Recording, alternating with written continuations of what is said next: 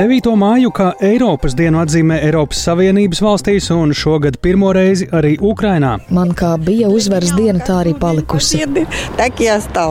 Redījumā pēcpusdienā sazināsimies gan ar Briseli, gan Kijivu. Nesenais skolotājs streiks Latvijā beidzās ar pedagoģu un arotbiedrības uzvaru, taču pārunas ar ministriju tomēr nav galā. Skaidrosim, par ko vēl jāvienojas. Un šodien nosaukts Latvijas hokeja izlases galīgais sastāvs dalībai pasaules čempionātā. Arī par to plašāk tūdaļ ziņu raidījumā pēcpusdiena kopā ar mani Tāli Eipuru.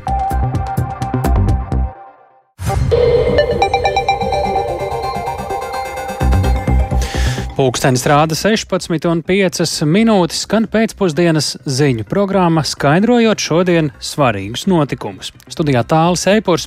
Labdien! Šodien, 9. maijā, Latvijā un citur Eiropas Savienībā oficiāli atzīmē Eiropas dienu. Tā piemēram, Rīgā interesanti var iepazīt citu valstu īpašās prasmes un kultūras vērtības. Uzmanību pievērst arī karam Ukrainā. Par notiekošo Eiropas dienā, par noskaņojumu, par vērtībām vairāk Viktora Demidova ierakstā. Tu esi mans draugs.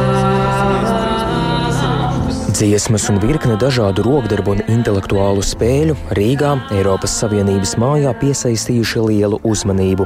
Vairums no interesantiem ir skolēni, kuri pacilātā noskaņojumā ieradušies no dažādām Latvijas vietām, lai atzīmētu Eiropas dienu. Šajā dienā pirms 73 gadiem toreizējais Francijas ārlietu ministrs Roberts Šūmanis izveidoja deklarāciju, kuras mērķis bija pēc kara Eiropā nodrošināt ilgstošu mieru.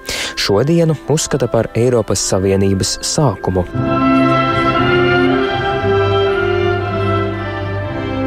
Katru gadu uzmanību pievērš kādai aktualitātei. Šogad tās ir prasmes. Eiropas Savienības mājā un iekšpagalmā interesanti iesaistās rokdarbu aktivitātēs, no dažādiem augiem auž paklājus, pin maskēšanās tīklus Ukrainai un spēlē Latvijā izveidoto galda spēli aizskūlu, kas pirms vairākiem gadiem bija atzīta par pasaulē labāko spēli bērniem. Personīgi jau dabūju izspēlēt dambreti ar robotu. Man īpaši labi nesanāca, bet kā jau redzams, šeit var arī novus spēlēt. Es palīdzu uzmīt maskēšanās tīklus. Es esmu viens no skautiem, kas nāca šodien palīdzēt. Te. Šis ir vajadzīgs maskēšanās tīkls priekš Ukrainas. Ar ko jums vispār asociējas Eiropas diena? Teikšu, godīgi, neesmu iepriekš nekad īpaši atzīmējis Eiropas dienu. Man šī ir pirmā reize. Eiropas diena man asociējas ar, protams, Eiropu, tautu, visiem cilvēkiem daudz interesantāk nekā es to visu biju iedomājies. Tas ir diezgan nopietni. Lielu uzmanību piesaista arī 3D drukas iekārta, kas acu priekšā no cieta materiāla veido dažādus priekšmetus. Piemēram, var redzēt, kā top miniatūra izmēra slavenais Pīzes tornis. Turpina Linārs Reinis Rozītis no Rīgas Tehniskās Universitātes Zinātnes un Inovāciju centra. Virsmērķis ir attīstīt šīs inovācijas Latvijā, jo, ja mēs vēlamies radīt labākus produktus, tad citos vārdos definēt, mums jārada inovatīvāki produkti. Un, lai to darītu, mums ir nepieciešamas šādas vietas, kur studenti un jaunie uzņēmumi var to darīt. Eiropas dienas svinības šodien atzīmē arī citviet Latvijā. Atsevišķi pasākumi gaidāmi arī turpmākajās dienās. Viktors Demidovs, Latvijas radio. Līdz ar Ukrainas prezidenta Volodimira Zelenska ierosinājumu no šodienas 9. maija arī Ukrainā tiek svinēta kā Eiropas diena. Līdzīga atzīmējumā diena tā jau iepriekš tātad ir bijusi arī Latvijā un daudzās citās Eiropas Savienības valstīs, bet kādā noskaņojumā šodien to sagaida Ukrainas iedzīvotāji. Par to esam sazinājušies ar Latvijas radio korespondenti Ukrainā Indru Sprānci. Sveiki, Indra, lūdzu! Jā, labdien no šodienas 9. māja. Tātad Ukrainā vairs nesvinēs uzvaras dienu, kā to dara Krievijā, bet gan Eiropas dienu. Un kā, kā, kā, kā tas notiek arī visā Eiropā. Un uh, Ukrainas prezidents šo pārmaiņu ierosināšanu izziņoja tikai vakar, un, un šodien jāsaka, te Kīvā uh, nu, nav jūtams nekādas lielas svinības. Uh, šodien Ukrainas galvaspilsētā atrodas Eiropas komisijas prezidenta un, un ir pastiprināta drošības, apstā, um, dros, drošības pasākumi, taču citādi nu, tādas lielas pārmaiņas, kaut kādas īpašas svinības nav redzamas un jūtamas. Es šodien uzrunāju arī dažus Kīivas centrā sastaptos cilvēkus, lai noskaidrotu viņu domas par to, un vai viņi šo dienu svin un ko tā viņiem nozīmē. Un tā kopējā vēsts ir, ka joprojām turpinās karš, tāpēc svinēt viņiem īsti nav ko, nav nekāda prieka, taču vairāk uzrunātie uzsver šo pārmaiņu simbolisko nozīmi tādējādi proti atkārtot apliecinot Ukrainas piedarību Eiropai, nevis Ukrainā iebrukušā austrumu kaimiņu vērtībām. Paklausamies mazu fragmentiņu no cilvēku atbildēm uz manu jautājumu, ko viņiem nozīmē šodien atzīmējumā Eiropas diena. Ну, то, что вчера президент сказал, я, в принципе, полностью согласен. Tas, ko vakar teica prezidents, es viņam pilnībā piekrītu. Es domāju, ka pēc mūsu uzvaras visa Eiropa, un es ceru, ka mēs arī būsim Eiropā, tad tie būs lieli svētki. Šodien mēs neko neatzīmējam. Agrāk bija svētki, tagad nav. Mani divi vecstāvi karoja Otrajā pasaules karā. Mēs pieveicām okupantus, atbrīvojām mūsu Ukrainu no okupantiem. Tagad ir jauni okupanti, un mēs ar viņiem cīnīsimies līdz uzvarai. Mēs viņus uzvarēsim, un tajā dienā būs mūsu uzvara un svētki. Kad viņus uzvarēsim, tad būs svētki ar jūsu atbalstu. Paldies jums par atbalstu!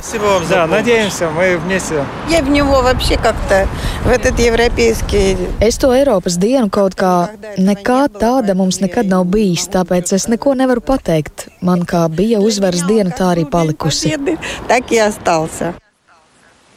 Nu jā, un papildus tam es arī visiem uzdevu jautājumu, vai Ukrainas nākotni viņi redz uh, Eiropas Savienībā. Un jāsaka, arī tie, kas šodien neko nesvin, saka, ka nekādu citu ceļu Ukrainai šobrīd vairs neredz. Um, taču vispirms viss uzsver, ka ir jābūt šeit pēc iespējas drīzākai uzvarai. Un uh, saistībā ar šo šajās uh, dienās arī uh, ir publiskoti Ukraiņu socioloģiskās aptaujas rezultāti. Un tie rāda, ka ļoti liels uh, pārsvars 70 51% aptaujāto Ukrainas iedzīvotāju uzskata, ka karu pārtraukt var tikai Ukrainas uzvaras gadījumā, un nekādi ātrāki kompromisi ar agresoru valsti šobrīd nav iespējami. Jā, Indra, tu jau pieminēji, ka šodien Kijavā atrodas arī Eiropas komisijas prezidente, bet cik droši šobrīd ir pilsētā, ņemot vērā pašu Ukraiņu iepriekš pieļauto par iespējamām provokācijām tieši 9. mājā, kas Krievijai varētu būt pietiekami svarīgi? Jā, šodien visā pilsētā ir manām pastiprināti drošības pasākumi. Bruņoti vīri ielās ir kuplākā skaitā un vairāk redzami nekā parasti. Pat kādu augstu amatpersonu vizīšu laikā, tad viņi ir vairāk, viņi ir redzamāki. Un uh, naktī uz rīta pusi arī bija ļoti spēcīgs raķešu uzbrukums Kīvai, taču pretgaisa aizsardzība kārtējo reizi demonstrēja savus lieliskās spējas aizstāvēt pilsētu. Un, un šī uzbrukuma rezultātā nav bojā gājušo arī nopietnu bojājumi nav. Tā kā ir viss veiksmīgi izdevies. Nu, savukārt pa dienu šeit, kad, kad ieradās jau no rīta puses, kad ieradās Eiropas komisijas prezidenta, kopš tā laika gaisa trauksmes nav bijis, bet, nu, protams, diena vēl nav galā un var sagaidīt, ka Krievija vēl centīsies uzbrukt, kā to parasti dara savu nozīmīgos datumos. Sakām paldies Indrai Sprāncei tiešraidē no Ukrainas. Krievijas sāktais karš neiebiedēs Eiropu. Tā šodien uzstājoties Eiropas parlamentā paziņoja Vācijas kanclers Olafs Šalts. Viņa uzruna notiek dienā, kad Latvijā un pārējās Eiropas Savienības valstīs tātad atzīmē Eiropas dienu, savukārt Maskavā rit tradicionālā militārā parāde svinot uzvaru Otrajā pasaules karā.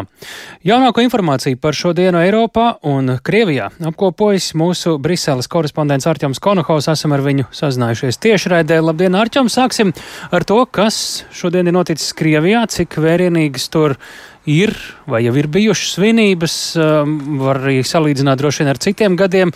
Varbūt ir bijuši arī kādi incidenti Eiropas valstīs. Labdien, tālu, labdien, klausītāji! Tik tiešām Krievijā, kā ierasts, notiek um, otrās, uh, otrā pasaules uh, kara um, beigām veltītie pasākumi, un, protams, Maskavā ir notikusi tradicionālā militārā parāde, kur ir arī uzstājies Krievijas prezidents Vladimirs Putins, un viņš lielā mērā ir atkārtojis tos vēstījumus, kas jau ir iepriekš izskanējuši. Proti, viņš sacīja, ka pret Krieviju notiek uzbrukums, ka pārējā pasaule, sevišķi rietumi, ir uzsākuši pret Krieviju kāru karu un ka šobrīd Krievijas liktenis ir atkarīgs no tā, lai viņu uzvarētu šo karu. Tad viņš faktiski ir pagriezis visu kājām gaisā, ja tā varētu izteikties, un ir mēģinājis šo pasniegt nevis kā Krievijas uzsākto karu, bet gan kā karu, ko rietumi ir izvērsuši pret Krieviju. Viņš ir runāja par tādiem, ka civilizācija atkal atrodas pagrieziena punktā.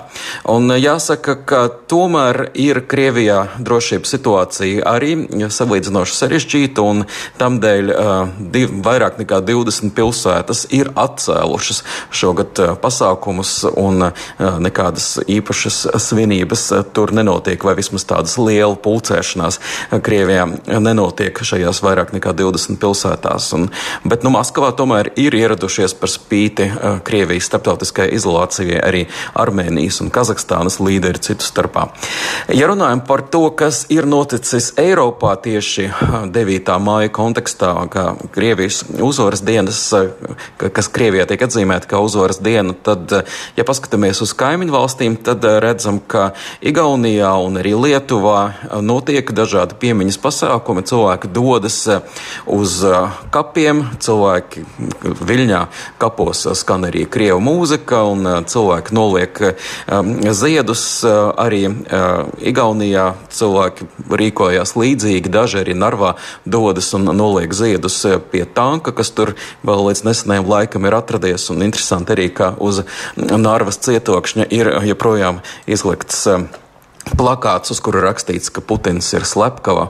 Turpretī no uh, pretējā krasta, no Krievijas, uh, Igaunijas virzienā ir izlikts uh, liels ekrāns, uz kura tiek rādīta uh, karam veltīta filma. Tad tāda, varētu teikt, pretēji vēstījumi.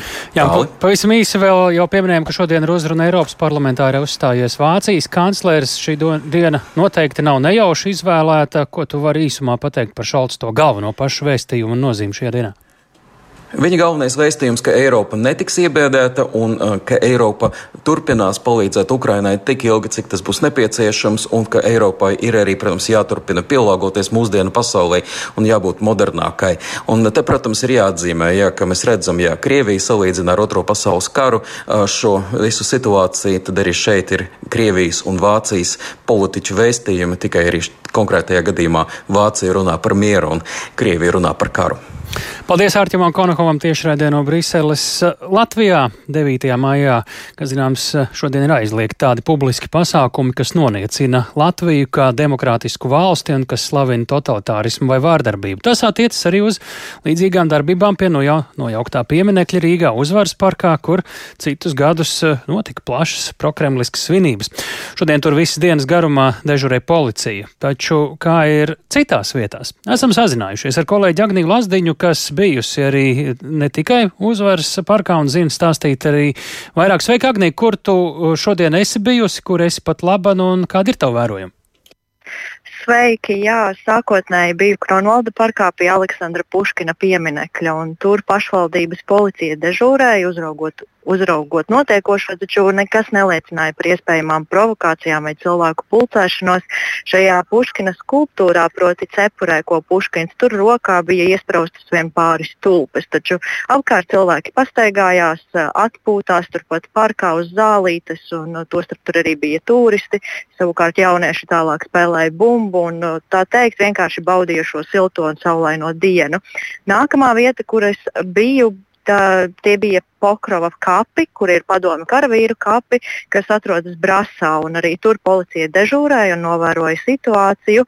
Tiesa, gan tur cilvēku bija diezgan padaudz. Tie nāca un gāja prom, nolika ziedus gan pie konkrētiem abadītajiem karavīriem, gan arī pie pieminekļiem. Bet uh, jāatzīst, ka viss noritēja ļoti mierīgi. Nekas arī tur neliecināja par jebkādām iespējamām provokācijām. Un, uh, esot tur, vien dzirdēju vairākus cilvēkus, kas izteica nožēlu, ka ziedus var nolikt tikai šeit, proti kapos un vispārējais. Eh, tādas kā lielākas pulcēšanās viņiem ir šodien aizliegtas. Taču tas arī viss. Un šobrīd es atrodos uzvaras parkā, netālu no demontētā pieminekļa. Šeit ir stingrākā uzraudzība, joprojām ir slēgta transporta līdzekļu satiksme, policija kontrolē auto un piekļūt vietai, kurai bija piemineklis, nav. Caur parku cilvēki gan staigā, bet arī parka teritorijā dežūrē policisti, kas visu novēro, tāpēc arī šeit viss norit ļoti, ļoti mierīgi. Jā, Agnija, un īsumā vēl arī kāda ir aktuālākā informācija no policijas par kārtību galvaspilsētā 9. maijā? Valsts policija kopā ar pašvaldības policijām un partneru dienestiem joprojām turpina stingri strādāt pastiprinātā režīmā visā Latvijā. Un, uh, situācija joprojām ir tāda pati kā iepriekš, proti, jaunākais ir tas, ko ziņoja policija līdz 2013. saistībā ar 9. māju ir aizturētas sešas personas, sākti deviņi deviņi administratīvā pārkāpuma procesi viens krimināla process. Lielākoties tie ir saistīti ar ziedu nolikšanu vietās, kur atradās kādreizējie demontētie padomi pieminekļi. Tāli. Jā, jā, paldies, Agnija. Tas arī attiecas, cik saprotam, arī uz visu Latviju, ne tikai Rīgu.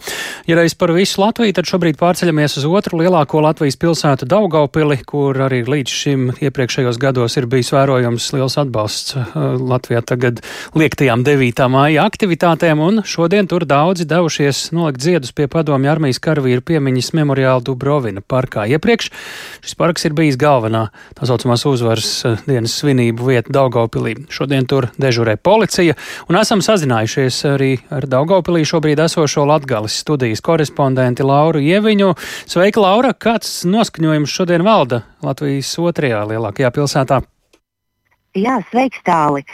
Um, Daugopilī kopumā varu teikt, ka atmosfēra ir mierīga. Es arī biju Dubrovina parkā, pavadīju tur vairākas stundas. Uh, Uh, šeit piemineklis mūžīgā uguns nav nojaukts, jo te ir apbedījuma vietas.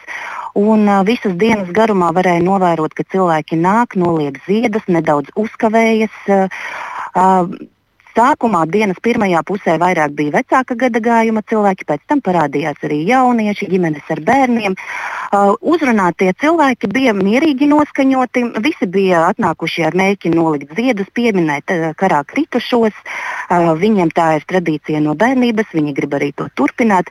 Dubrovina parkā tiešām bija ļoti daudz policistu, un uh, iedzīvotāji teica, ka daži cenšas nepievērst viņiem uzmanību, citiem tas likās atkal nepieņemami.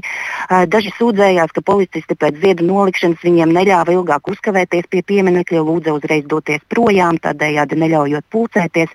Sazinoties ar valsts policiju, tagad jaunākā informācija ir tāda, ka neraugoties uz to, ka man likās, ka viss ir mierīgi, tomēr izrādās, ka Daugopilī ir uh, uzsākti seši administratīvā pārkāpuma procesi. Un tie lielākoties uh, ir par ziedu nolikšanu demontēto pieminekļu vietās. Jāatzīmē, ka mm, ah, jā, nepieminēju, ka ir arī divas aizturētās personas. Nav gan sīkākas informācijas, kāpēc.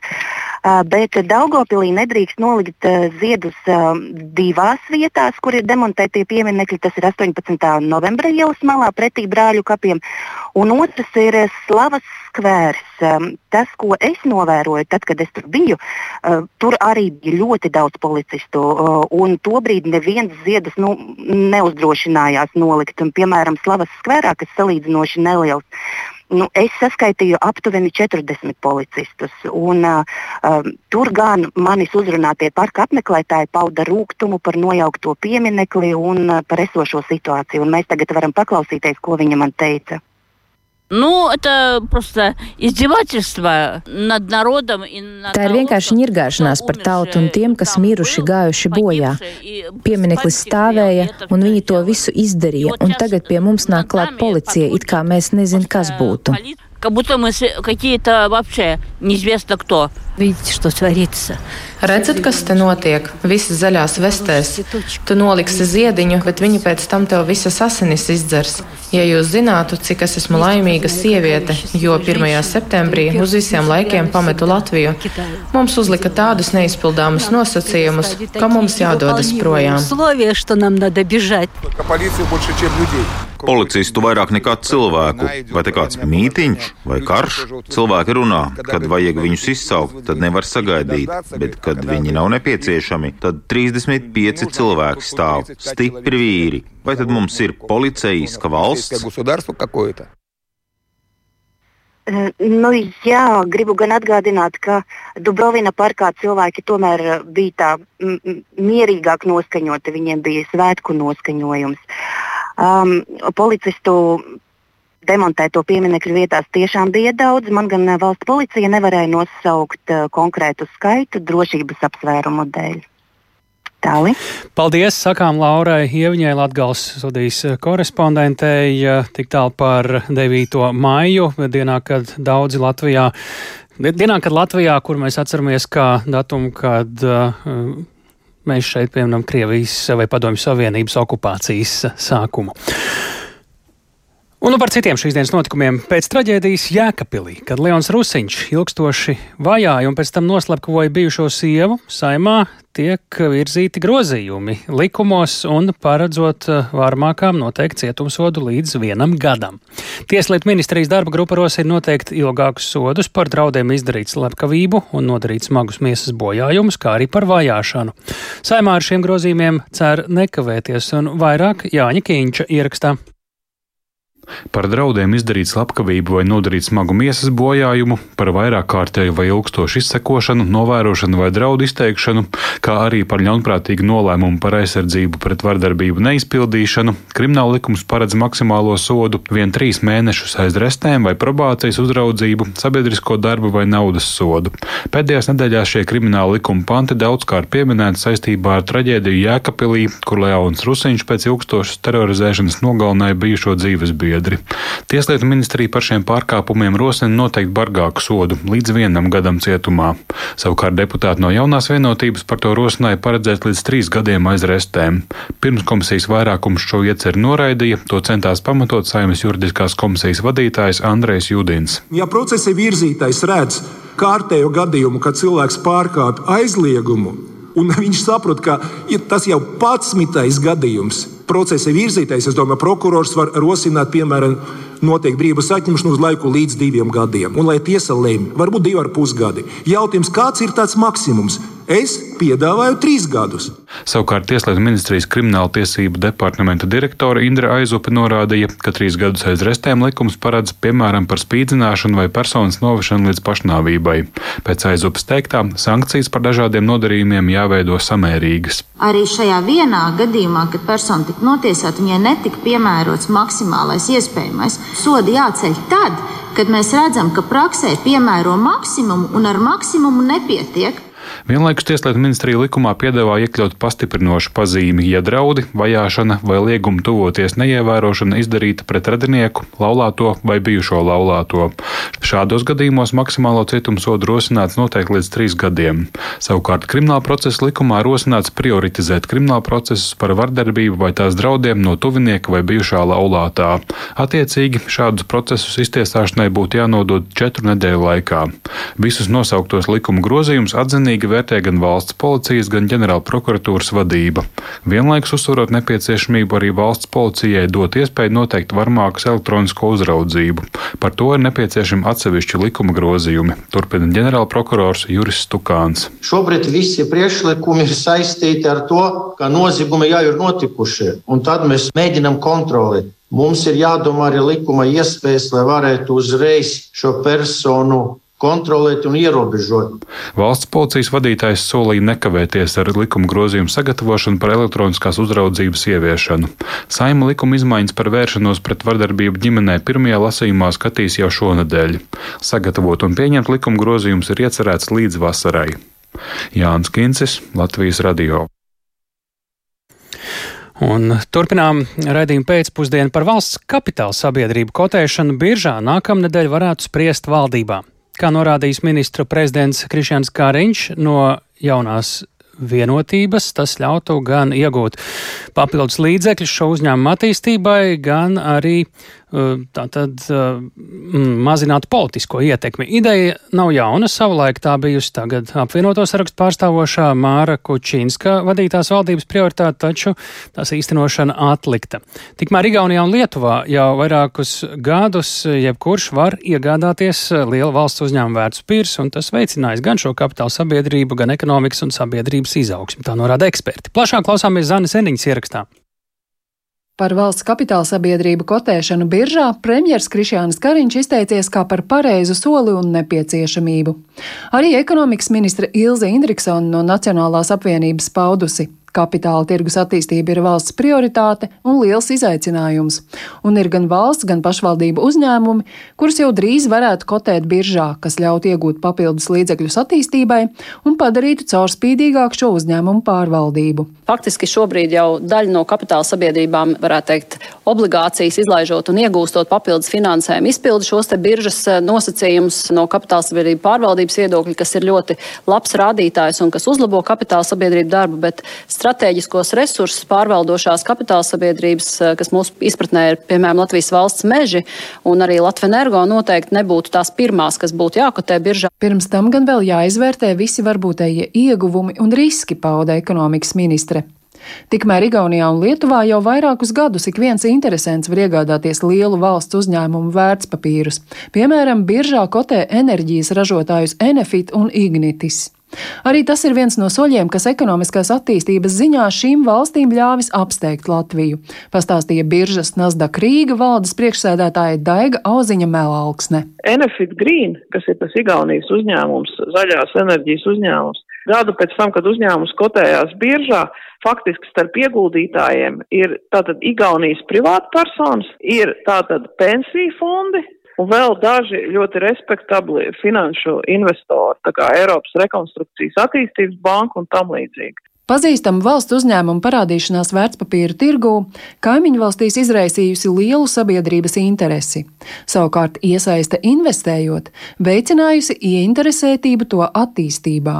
Latvijā šādas iespējas pagaidām nav, norādīja Daiga Auziņa Melalksne. Mēs par šo uzņēmumu veiksmēm priecājamies un saņemam lielākus nodokļus, teiksim, kas attiecīgi var aiziet tur gan skolotāju algām, gan slimnīcām un tam līdzīgi. Un mēs, kā nodokļu maksātāji, arī samaksājam par visām neveiksmēm un skandāliem. Tāpēc es domāju, ka viennozīmīgi, ka tas ir ārkārtīgi svarīgi, ka par to tiek lēmts, un es ceru, ka beidzot būs arī kaut kāda reāla darbība. Ideja par valsts un pašvaldību kapitāla sabiedrību kotēšanu biržā nav jauna. Tā bija viena no prioritātēm jau Māra Kučīnska vadītās valdības laikā un plaši tika apspriesta 2017. gadā, taču plāni iegula atvilktnēs. Tolaik izskanēja, ka Latvijas kontos snaudošās privātpersonu naudas apjoms ir ap 10 miljardiem eiro, bet pēc investīciju eksperta Girta Rungaiņa pagājušā gada nogalē paustā pat labam šī summa ir ap 20 miljardiem eiro. Neinvestējot, nauda strauji zaudē vērtību, taču, ja to iepludinātu tautsājumniecībā caur valsts uzņēmumu vērtspapīriem, tas būtu grūdienis ekonomiskajai attīstībai, bet iedzīvotājiem iespēja vairot savu labklājību. Zana Eniņa, Latvijas radio. Lai skaidrotu šo ideju, esam aicinājuši uz tālruni pievienoties Bankas finanšu tirgus pārvaldes vadītāju Andri Lāriņu. Labdien! Labdien! Ko tad, kā mēs varam skaidrot šādu valsts, nu, pagaidām tas vēl nav lēmums, vai tie ir premjera izteikumi, mērķi šādā veidā dot iespēju kotēt biržā valsts kapitāla sabiedrības. Tas, ko nozīmē valstī trūkst naudas šo uzņēmumu attīstīšanai, vai tur ir pavisam citi iemesli, respektīvi, kāpēc mēs eh, varētu dzirdēt šādu soli, kāda varētu būt motivācija? Un šī ideja jau nav jauna, kā tika minēts, vairākus gadus par to tiek runāts. Uh, galvenā doma ir tas, ka uh, te ir divas puses - gan naudas aizņemšanās, gan naudas aizdošana. Ja mēs skatāmies uz uzņēmumiem, uh, tad uzņēmumiem, ejot biržā, tā ir iespēja papildus piesaistīt naudu nevis tikai kā kredītos no bankām, bet arī aizņemties no iedzīvotājiem vai ļaut iedzīvotājiem investēt. Un tā otra puse ir tie iedzīvotāji, kur varētu savu naudu nevis turēt uh, kontā vai likt depozītā, bet tai pašā laikā arī mēģināt uh, investēt uh, Latvijas uzņēmumos, palīdzēt augt Latvijas ekonomikai. Ilgtermiņā kāds ieguvums tad varētu būt uh, gan ekonomikai, gan arī topošajiem uh, iespējamiem akcionāriem, iedzīvotājiem tā skaitā? Nu, ja ir, tā, ir tāds teiciens, ka nauda taisa naudu un liela nauda taisa liela naudu, es gribētu teikt, tā, ka šobrīd, piemēram, Latvijas iedzīvotājiem otrajos pensiju līmeņos ir uh, aptuveni 6 miljardi eiro.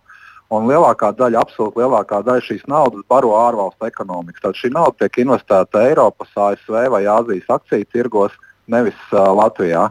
Un, uh, papildus jau pieminētājiem vēl uh, ir 600 miljoni eiro trešajos pensiju līmeņos, kas arī ir pietiekoši liels naudas apjoms, kurš, diemžēl, uh, nu, tātad, uh, tiek investēts ārvalstīs, jo uh, vietējā tirgu, ja mēs salīdzinām, tad Latvijā ir šobrīd biržas sarakstā 14 uzņēmumu, Igaunijā 33, Lietuvā 28. Bet vēl trakāk ir ar darījumiem. Ja mēs paskatāmies kaut vai nu, darījumus vai apjoma ziņā, tad šodien es skatījos, Igaunijā apgrozījums ir 800 tūkstoši, Latvijā 42 tūkstoši un Lietuvā 400 tūkstoši. Tad mēs, esam pastarījuši, mēs ļoti smagi at, atpaliekam no šī te, uh, investīcija kultūras, no šīs te, nu, kapitāla piesaistes arī tā skaitā valsts uzņēmumiem. Pavisam īsi mums ir šī pieredze ar uh, valsts kapitāla sabiedrību būšanu biržā arī kaimiņos. Uh, kas šo gadu laikā viņiem ir bijuši iegumi? Jūs jau nedaudz ieskicējāt uh, akciju tirgus krietni lielāku rosību vai vēl kas? Tā ir, tā ir teiksim, naudas piesaiste no saviem iedzīvotājiem. Iedzīvotājiem savukārt ir iespēja investēt, nevis atbalstīt ārvalstu ekonomiku, bet savu ekonomiku. Uh, Un, uh, tas nu, kopumā palīdz, uh, ņemot vērā to nu, augsto inflāciju, ļoti populāra tēma ir finanšu pratība un investēšana vērtspapīra tirgos. Skaidrs, ka vērtspapīra tirgi ir riskanti, bet uh, ilgtermiņā vērtspapīra tirgi ir devuši labu atdevi. Kāpēc šo atdevi negūt no saviem uzņēmumiem un uh, ne, neaudzēt savus uzņēmumus uh, tā vietā, uh, dodot naudu citiem? Paldies! Mēs sakām Andrim Lāriņam, SEB bankas finanšu tirgus pārvaldes vadītājam, dzirdējām pieminam finanšu pratību, tā nozīmē arī finanšu izglītību, un par izglītību arī turpinām. Nesenais skolotājs streiks ir beidzies ar pedagogu un arotbiedrības uzvaru, un šodien izglītības un zinātnes ministri preses konferencē rezumēja finansiālās saistības, ko tad valsts uzņemas pedagogu algas likmes palielināšanai un slodžu sabalansēšanai. Tiesa pārunas ar nozars arotbiedrību tomēr vēl nav galā, un arī līdz māja beigām vēl ir vajadzīga politiska gala vienošanās par skolu tīkla optimizāciju jau no 1. septembra. Vairāk ievas puķes sižetā. Žurnālistu viesošanās izglītības un zinātnes ministrijā notika draudzīgā lietišķā gaisotnē. Streika zobens virs ierēģņu galvām vairs nekarājas. Tās nav ripojušas ne ministrei, ne premjerministram, kura atkāpšanos pieprasīja iekarsušie pedagoģi. Ministre Anna Čakša no jaunās vienotības šodienas sarunu sāk ar skaitļiem. Tātad viens no valdības deklarācijas lielajiem punktiem ir skolotāju atalgojuma pieaugums par 120%. Tādēļ arī valdība pieņēma lēmumus attiecībā par algu pieaugumu un slodžu balansēšanu. Jo atgriežoties pie tā, ka izglītības kvalitāte ir nu, tāds lielais uzstādījums, atalgojumiem un slodžu balansēšanai šajā gadā kopumā tiek novirzīti 93 miljoni. Ministrijas izglītības departamenta vadītāja Edīte Kanaviņa precizēja, ka zemākās darba algas likmes paaugstinājumu un darba slodzes sabalansēšanu izjutīšot visi pedagoģi, sākot no bērnu dārza audzinātājiem un beidzot ar augstskolu profesoriem, kā arī izglītības iestāžu atbalsta personāls. Turklāt finansējums sasniegs katru pašvaldību. Šogad pedagoģi algas pieaugumu piedzīvošot divas reizes, vēl arī 1. septembrī, bet nākamajos divos gados vienu reizi, 1. janvārī. Arotbiedrība līdz 10. maijam lūgus iesniegt visus aprēķinus, kā finansējums sasniegs savu mērķa auditoriju. Lai tiktu galā ar kalkulācijām, ministri Čakšu turpmāk atbalstīs jauns padomnieks analītiskajos jautājumos Jānis Salmiņš, nācis talkā no ekonomikas ministrijas. Viņš žurnālistiem demonstrēja Excel tabulas no valsts izglītības informācijas datu bāzes, kur skolotāju vārdi bija aizklāti. Skola pilsētā kurzemē divas stundas nedēļā, un runa par pieaugumiem ir nu, 3 līdz 4 eiro apmērā. Skaidrs, ka tas kopējā kontekstā par pedagoģu ienākumiem ļoti daudz jau neko nemaina. Bet uh, otrs piemērs bija no 80 līdz 120, tad 40 eiro pieaugums būtu šādā gadījumā. Un otrs gadījums jau bija ar gandrīz 500 eiro algas pielikumu situācijā, kad uh, ir tātad uh, vairāk nekā viena slodze ar 28 kontaktstundām. Tātad, lūk, pie pilnas slodzes arī tā atšķirība ir 40 un 400, tad vairāk nekā 10 reizes. Ministrs jaunais padomnieks Latvijas radio atzina, ka atalgojuma sistēma izglītības nozarē ir ļoti sarežģīta un necaurspīdīga. Arī tālāk tā nav motivējoša jauniešiem izvēloties pedagoga profesiju. Turklāt līdz mēneša beigām paredzēts pieņemt lēmumus par skolu tīkla optimizāciju. Skolu sistēmā šobrīd strādā 46 tūkstoši darbinieku. Ja visiem būtu pilns darba laiks, pietiktu tikai ar 30 tūkstošiem, uzsvēra Anna Čakša. Taču bieži vien tā nav pedagoģu pašu izvēle, jo mazajās skolās viņi var strādāt tikai nepilnu slodzi. Dzīve nav Excel tabula, skolu tīklam savukārt ir jāspēj sasniegt katru bērnu. Ieva Puķa, Latvijas radio. Jā, ir šobrīd 9. maija. Tas nozīmē, ka tuvojas 12. maija, un to zina ļoti daudzi sporta līdzekļi Latvijā. Ir izziņots, kuri 25 hokeisti pārstāvēs Latvijas izlasi Rīgā notiekošajā pasaules čempionātā. Nosaukt arī komandas kapteinis, viņa asistenti. Un, protams, zinām, ka pirmā spēle mūsējiem jau šo piekdienu pret titulēto Kanādu. Un tu daļai jau precīzākai sarunai par sastāvu un citām niansēm studijā esam aicinājuši kolēģi un hokeja zinātāju Lotāru Zāriņu. Sveiks! Ar ko tad Sākam ar vārdsargiem, uzbrucējiem, aizsargiem. Nu, vārdsargi parasti ir tas, ap ko grozās tas kodols. Jā, sveiks tālu un sveiki klausītāji. Es teiktu, ka noteikti jāsaka ar vārdsargiem. Tā, tomēr šis nu, teiciens, ka tā ir puse no komandas, un tā noteikti arī ir šajā brīdī. Bet, teiktu, Kā te ir ar pārsteigumiem vai nav pārsteigumu? Teiktu, ka diži liela pārsteiguma nav. Visi pieredzējušie, kas ir pirmais numurs, nu, visdrīzāk būs Amerikas Hokeja līgas pārstāvs Artūrs Šilovs. Tad, nu, tad sekos uh, iespējams Kristers Gudļevskis, Ivars Punanovs. Nu, tā secība nav, arī treneris viņus nes, nesagrupēja, kurš ir pirmais, kurš ir otrais. Pat minēja tādu domu, ka visdrīzāk, ka iesp, visi trīs arī varētu spēlēt pasaules čempionātā. Nevis, ka tikai ar vienu vārdu tiks cauri visam turnīram, bet ka visus trīs iesaistīs šajā čempionātā. Nu jā, Puna nav iesildīja pārbaudas spēlēs, Guļevskis ir ļoti iesildījies Zviedrijā, savukārt Šilovs ir jau, nu tā teikt, citā plauktiņā gaisu apostījis augstākā. Jā, jā, jā. Kā tev izskatās, kāda loma, kuram tad čempionātā būs, to tu nu, pat arī izstāstīji apmēram, bet tīri pēc sajūtas, kā tu pats prognozētu?